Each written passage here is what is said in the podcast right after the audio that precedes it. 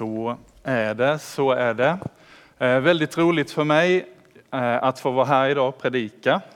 Eh, och eh, att få vara med och inleda den här temaserien av gudstjänster som får handla om eh, att vara kristen på goda grunder.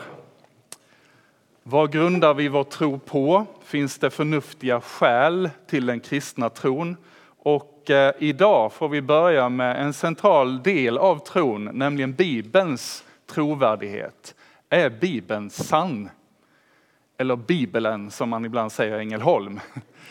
Är Bibeln sann? Men för alla andra som tittar, är Bibeln sann? Eh, hur vet jag att Bibeln stämmer? Det finns ju så mycket falskhet, också kanske inte minst inom religionens område, där människor har lurats av anspråk som inte, som inte har grund, anspråk som saknar grund. Och jag tänker att Bibeln sätter ribban ganska högt eftersom den påstår sig vara sann och vill vara med och forma våra liv. Kristen tro handlar ju mycket om att med Bibeln som grund hitta en livshållning och få ett liv som formas efter Guds vilja. Så den här frågan är brännande. Håller Bibeln? Vi ska inte leva våra liv på en lögn. Det måste vi vara överens om. Bibeln är fantastisk. Fascinerande boksamling med en tillkomsthistoria som sträcker sig mer än 3000 år tillbaka i tiden. Samlar 66 olika böcker och så lite apokryfer på det. Eh, ett 40-tal olika författare spridd över hela världen, läst i alla möjliga kulturer, snart översatt till alla språk på jorden. Det är helt unikt. Det finns ingen annan bok som Bibeln. Men idag är det många, och kanske många också i din närhet, som ifrågasätter Bibelns trovärdighet. Bibeln kritiseras på olika sätt i läroböcker, i medier. Eh, och man säger att den innehåller förlegade värderingar och felaktigheter, historiska felaktigheter. Och vi kanske som kristna också tappar stoltheten över Bibeln. Inte vågar stå upp för att vi, vi läser och hittar mycket i den här boken. Kanske till och med vågar inte säga att vi, jag bygger mitt liv på vad den här boken talar om. Vi tappar stoltheten. Det finns ju till och med kyrkoledare som tycker att Delar av Bibeln bör förpassas till historiens skräpkammare. Jag tänker att detta ställer frågan på sin spets. Vad finns det för skäl att hålla Bibeln för sann? Är den sann? Kan jag som kristen känna en glad och frimodig stolthet över Bibeln och en trygg förvissning om att den här håller vad den lovar? Ibland i kyrkan, i kyrkliga sammanhang, så har man ibland varit rädd för kritiska frågor, tvivel. Du ska inte ställa de där kritiska frågorna. Det här förhållningssättet har inget stöd i Bibeln, utan det beror nog mer på att man själv kanske är osäker i sin tro och i fundamenten på den. Sanningen håller naturligtvis för att prövas med alla våra kritiska frågor. Annars är det ju ingen sanning. Och då behöver den definitivt prövas. Om kristendomen är sann så tål den att ifrågasättas och prövas rakt igenom. Är den inte sann, ja då finns det all anledning att ifrågasätta och lägga bort det som inte håller. Det här är ett jätteviktigt tema. Att vara kristen på goda grunder är kanske det enda sättet att vara kristen i långa loppet. Vi tror ju på en Gud som har skapat hela skapelsen. Därför så finns det ingenting i skapelsen som inte kan eller får undersökas av rädsla för att den kristna världsbilden då skulle rubbas eller fallera. Det faller sönder. Nej, det gör det inte. Eh, sann vetenskap i den här skapelsen är ju undersökandet av skapelsens eh, funktioner och beskaffenheter. Eh, all sann vetenskap kan ju inte tala emot en annan sanning, nämligen en sann Gud, tänker jag som kristen. Att de går mycket bra ihop, det kommer en annan gudstjänst om det sen, en predikan. Istället för att hota Gud så är varje sann vetenskaplig upptäckt en kompletterande bild, ett annat perspektiv och kan egentligen ses som en, i grunden en lovsång till skaparen. Något som utmärker kristendomen är dess kombination av absoluta sanningsanspråk och samtidigt en personlig frihet ställa alla frågor. Den kristne får lov att använda sitt förnuft.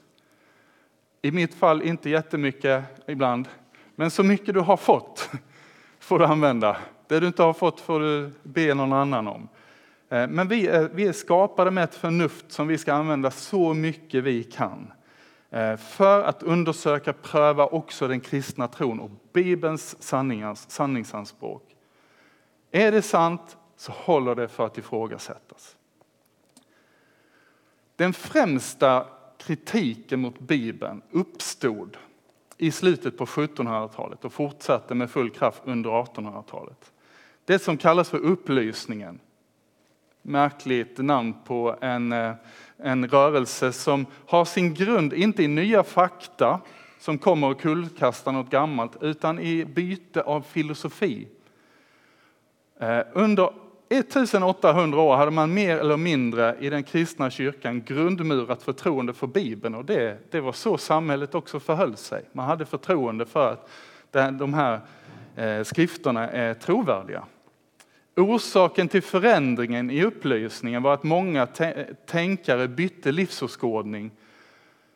Man menar att det som händer i världen måste ha en inomvärldslig förklaring, orsakskedja. Förstå, om förståelsen av universum tidigare har varit att det finns en öppenhet här. Det är inte en stängd låda, utan här finns en, en interaktion med en levande Gud.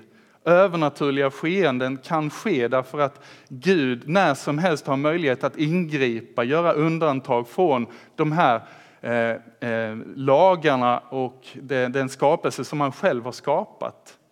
Men så i upplysningen så stänger man lådan och säger att alla förklaringar för vad som sker i verkligheten måste ha stöd i det vi kan, kan eh, eh ha, ha en orsak och eh, eh, ett förlopp som vi kan undersöka inom de här reglerna.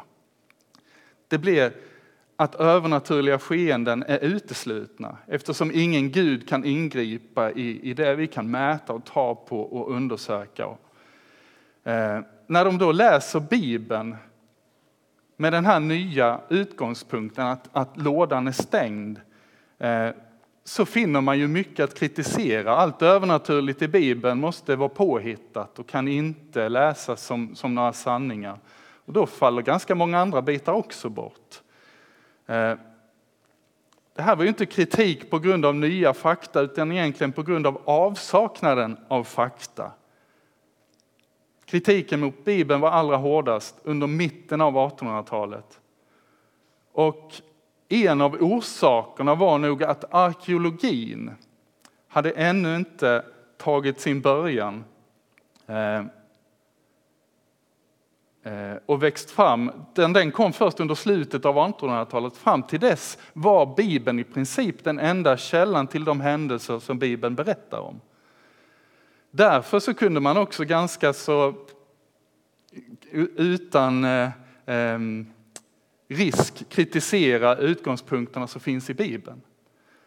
Och eh, den här upplysta, så kallat, otron fick regera också ganska mycket inom, inom kyrkans forskning på Bibeln sen. Det övernaturliga kunde inte ha skett och mycket av de övriga ingredienserna ifrågasattes. Berättelserna var osäkra. Man menade att de troligen var historier som har växt fram vid lägereldarna med mycket liten, om ens någon, historisk trovärdighet. Det här har format oss än idag. Lådan är fortfarande många gånger stängd. Jag tänker att ja, då är det svårt att våga se på vilket sätt är Bibeln sann och vad har den att säga till oss idag. Tack och lov är sanningen att lådan är inte stängd. Men om vi ska kunna se Bibeln så behöver vi både undersöka den utifrån det vetenskapliga perspektivet men också se att här finns ett annat perspektiv i Bibeln. Och det är trosperspektivet. Att lådan är inte stängd. Det är en Gud som interagerar med människan och skapelsen. Idag kan vi se att nya fakta i också skulle ha hållit i upplysningstiden. Många fakta stöder Bibeln. Efterhand som arkeologin har växt fram och växt sig stark så har kritikerna fått backa. När arkeologerna börjar gräva så kan de berätta om fler och fler, fler fynd som stödjer de bibliska berättelserna. Några exempel på ifrågasatta bibliska uppgifter som senare visat sig stämma är bland annat städerna Sodom och Gomorra. Det fanns ju inga sådana städer, trodde man, och så hittar man dem. Det är ju stöd för Bibelns berättelser. Kungen Bel Belsassar skulle inte ha funnits, men Bibeln berättar honom, så finner man andra eh, stöd för det i arkeologin. Eh, många av de berättelserna som vi har i de äldsta berättelserna i Bibeln, patriarkberättelserna, seder och bruk som man, men det här har vi inte sett någon annanstans. Och så visar arkeologin att det här stämmer. Bibeln visar sig vara ganska trovärdig ändå, även med upplysningens stängda ramars undersökningssätt. Det ska sägas att det fortfarande finns mycket i Bibeln som inte är bekräftat. Alla arkeologiska fynd talar inte lika tydligt till Bibelns fördel, men tendensen efter arkeologins genombrott är ändå tydligt. Nya fakta stödjer Bibeln. Hur vet jag då att Bibeln stämmer? Vilka skäl finns det för att Bibeln är sann? Jag tänkte ge er idag fyra stycken argument för Bibelns trovärdighet. För det första, vi har ju en text i Bibeln. Den texten kommer från manuskript. Och jag tänker att de här manuskriptens trovärdighet ger oss goda skäl att tro att se att Bibeln är trovärdig. Vi kan lita på att det som vi har i texten, det var detta som skrevs en gång. Det är den första punkten. Eh, det finns inga original eh, det finns väldigt lite original eh, bevarade av Nya Testamentet eller av andra antika skrifter. Det vi har är kopior på originalen. Bevarade och för att bedöma de här kopiornas trovärdighet, de här manuskriften, så brukar man eh, se på tiden mellan att originalet skrevs och man kan finna när skrevs det här och när är den äldsta kopian. Eh, och så brukar man fundera över hur lång tid har det gått från det att det skrevs ner till den äldsta avskriften, den äldsta kopian vi har på det. Och sen tittar man också på hur många avskrifter har, har vi? Hur många kopior av det där originalet som fanns en gång. Ju fler manuskript man har tillgång till, desto större möjlighet har vi att jämföra och kontrollera. Stämmer de överens med varandra? Finns det variationer? Säger alla kopiorna samma sak så är det troligt att de stämmer överens med originalet. Det finns många, ja många fler kopior av Nya Testamentet än andra antika skrifter. Det är en enorm skillnad. De här kopiorna ligger dessutom mycket, mycket närmare i tid än, än, nästan alla, ja, jag skulle nästan säga än alla antika skrifter från den tiden. Som exempel kan nämnas Aristoteles skrifter, det finns fem kopior. Fem är det. Den äldsta kopian det är ett glapp på 1400 år från originalet. Vem tvekar på att Aristoteles har funnit och sagt det han sa, funnit det han fann. Platon, sju kopior. Platons skrifter, den äldsta kopian, är 1200 år efter att Platon levde och ska ha skrivit det. Om vi jämför oss eh, Caesar, det finns tio kopior, den äldsta det är tusen år. jag kunde gå, gå på, det finns många sådana exempel. Det är ganska långt mellan originalet och de kopior, manuskript som finns idag att gå tillbaka till. Tittar vi på Nya Testamentet, det finns 5000 manuskript, kopior som alla skrevs mindre än 300 år efter originalet. Alla de äldsta manuskripten för Nya Testamentet har ett tidsavstånd som endast är 30 år eller mindre. Originalen för Nya Testamentet är skrivna dessutom medan det fanns ögonvittnen som kunde styrka att det här stämmer. Det fanns de som kunde säga nej, det stämmer inte, jag var där fortfarande när det skrevs ner. Nyare forskning förlägger faktiskt Matteus evangelium att det har tillkommit 40 år 40. Markus till år 45, Lukas till början av 50-talet. Om det stämmer, vilket inte är helt fastlagt. Tidigare har de daterats lite senare, men man menar att det finns goda skäl att se att de är så tidiga. Om det stämmer så är det första evangeliet skrivet bara tio år efter Jesu uppståndelse. Det är extraordinärt. Bibeln har, vi kan ha goda skäl att lita på att det som står är det som skrevs. För det andra så finns det historiska skäl. Bibeln är en historisk bok. Bibeln rymmer flera tusen års historia som beskrivs ofta detaljerat, ofta ingående med knäppa detaljer. Varför berättar de det här? Kanske för att de såg de detaljerna eller var med om dem. Många händelser är mycket väl dokumenterade. Vi kan läsa så här. Det var det femtonde året av kejsar Tiberius regering. Pontius Pilatus var guvernör över Judeen. Herodes satt som, satt som landsfurste i Galileen. Hans bror Filippos i Ituren och Trakat, Trakonitislandet. Tack. Eh, medan Lysania styrde över Abilene och Hannas var överste präst jämte Kajafas. Då kom Guds befallning, berättar Nya Testamentet. Varför alla dessa gubbar och detaljer om var och vem var bror med vem och vem var tillsammans med Kajafas överstepräst? Jo, kanske för att det verkligen har hänt på en bestämd plats, i en bestämd tidpunkt i vår historia. Bibeln är en historisk bok. Därför kan Bibeln också undersökas som historisk skrift. Den är full av kontrollerbara punkter, platser, tider, regenter, människors levnadssätt. Det går att undersöka. Genom arkeologi och historisk vetenskap kan vi se att Bibelns trovärdighet blev ofta bekräftad. Det är ett, ett fåtal sådana punkter som man, som man kan ställa sig frågande till. Stämmer det här verkligen? Och det är inte heller konstigt att de finns där, för det är människor som har skrivit Bibeln. Innan det fanns datorer och kopieringsmaskiner. Så att det är helt naturligt. Det är en enorm skillnad jämfört med andra religioners skrifter.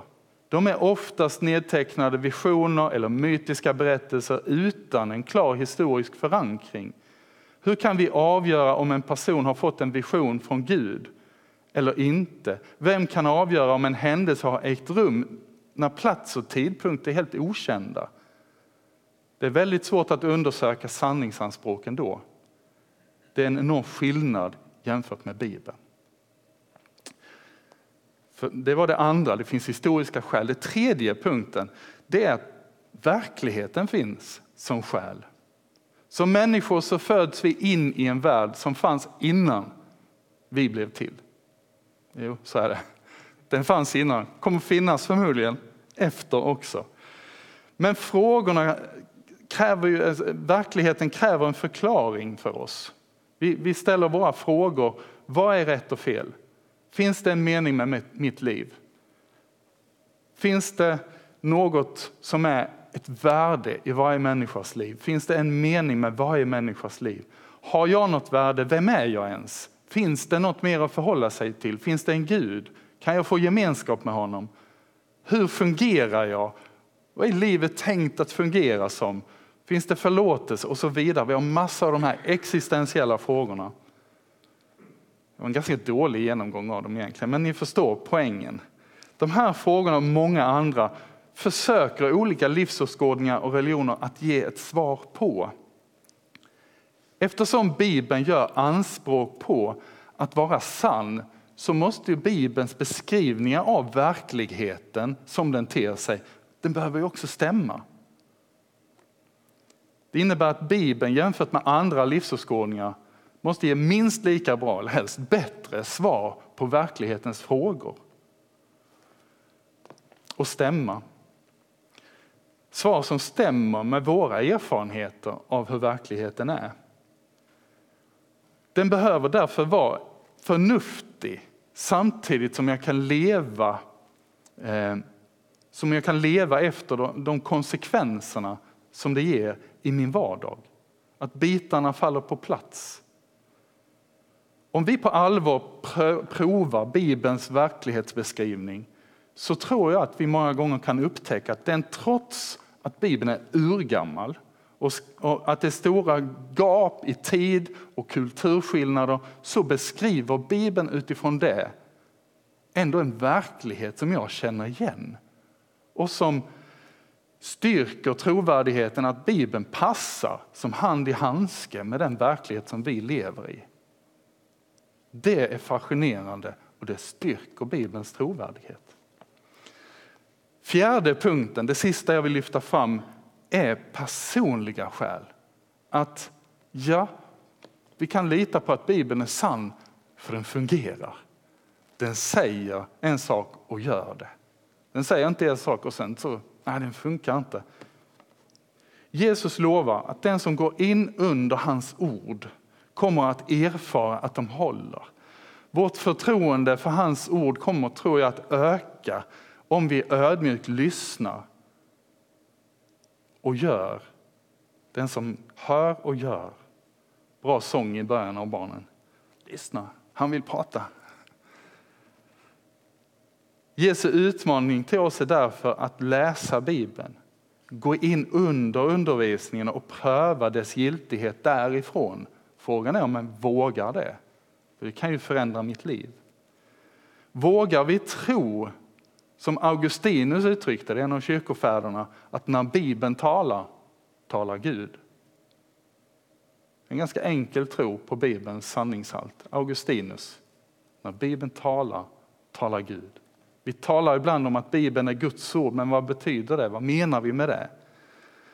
Jag tänker att vi behöver öva övertygelsen att om jag kan upptäcka och finna ut vad en text i Bibeln vill säga i sitt sammanhang, om jag kan förstå det så kan jag också höra vad Gud vill säga idag. Jag tror också att vi behöver förhålla oss till hela Bibeln. Jag tror på hela Bibeln. Hela Bibeln är Guds ord.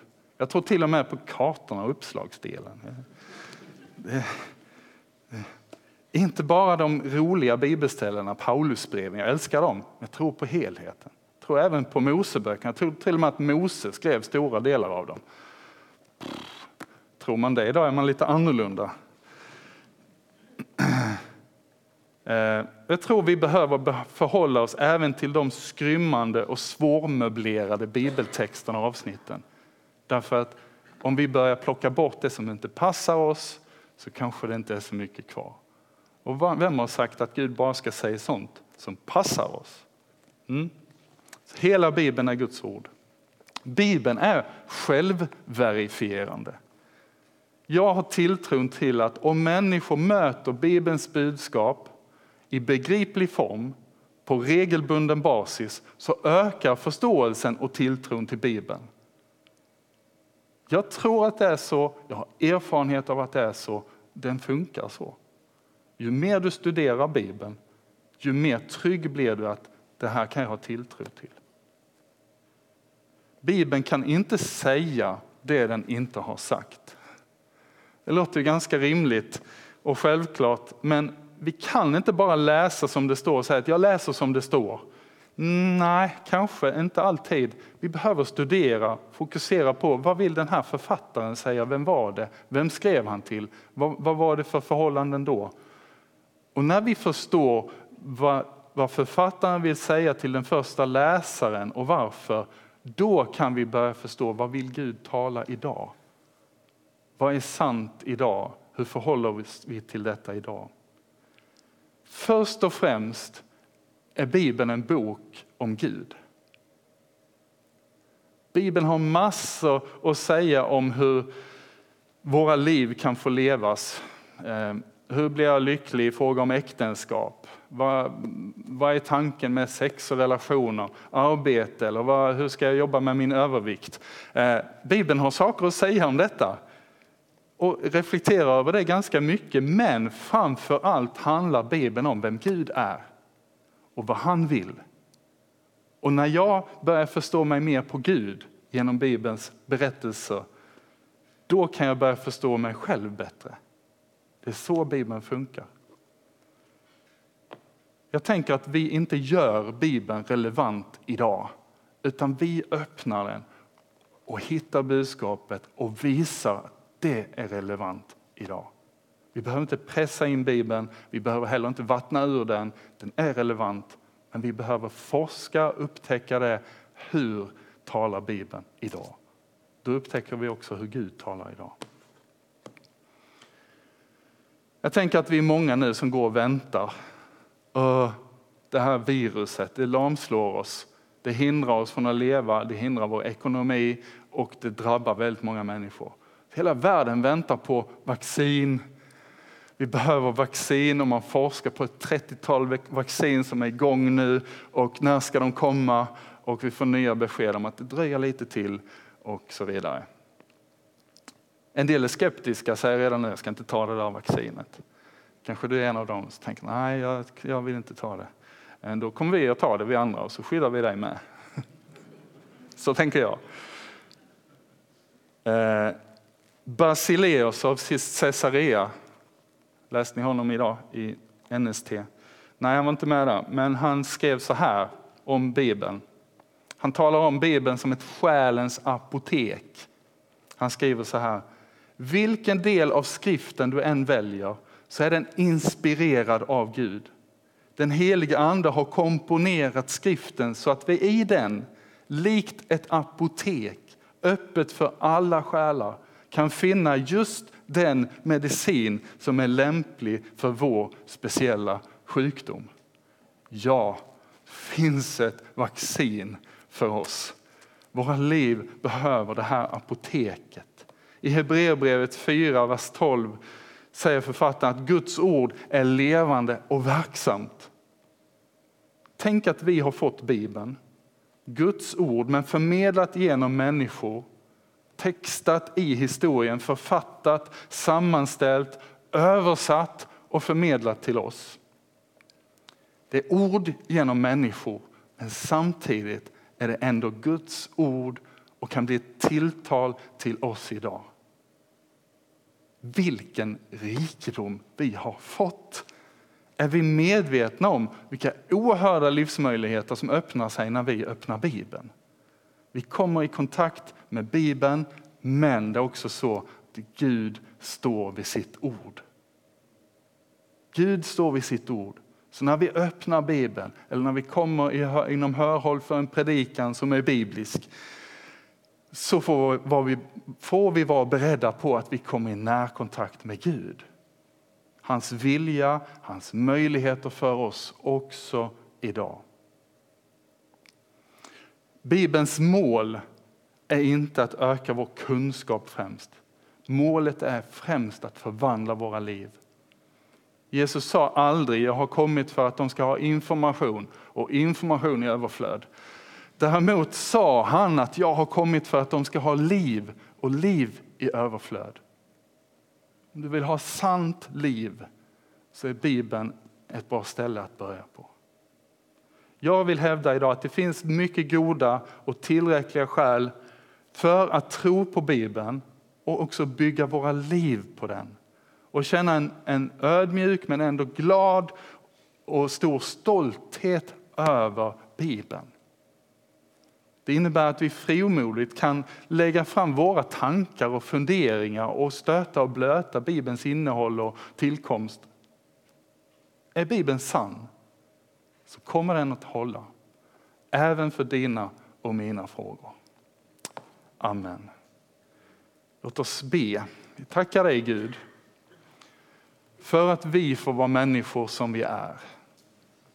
För att du inte kräver av oss att lägga ner våra funderingar, frågor, tvivel och, och ifrågasättande, utan du har utrustat, utrustat oss med en tänkande apparat. Tack att vi får ha vår, vårt förnuft påslaget Gud, också när vi möter Bibeln. Jesus hjälp oss att göra den efterforskning vi behöver. Söka svar, är Bibeln sann? Men också få öppna lådan och se att Gud, du vill oss någonting. Du vill interagera med oss. Och tack Gud för att du står vid ditt ord. Kom oss nära. Använd Bibeln för att forma våra liv, öppna våra liv och förvandla oss. I Jesu namn. Amen.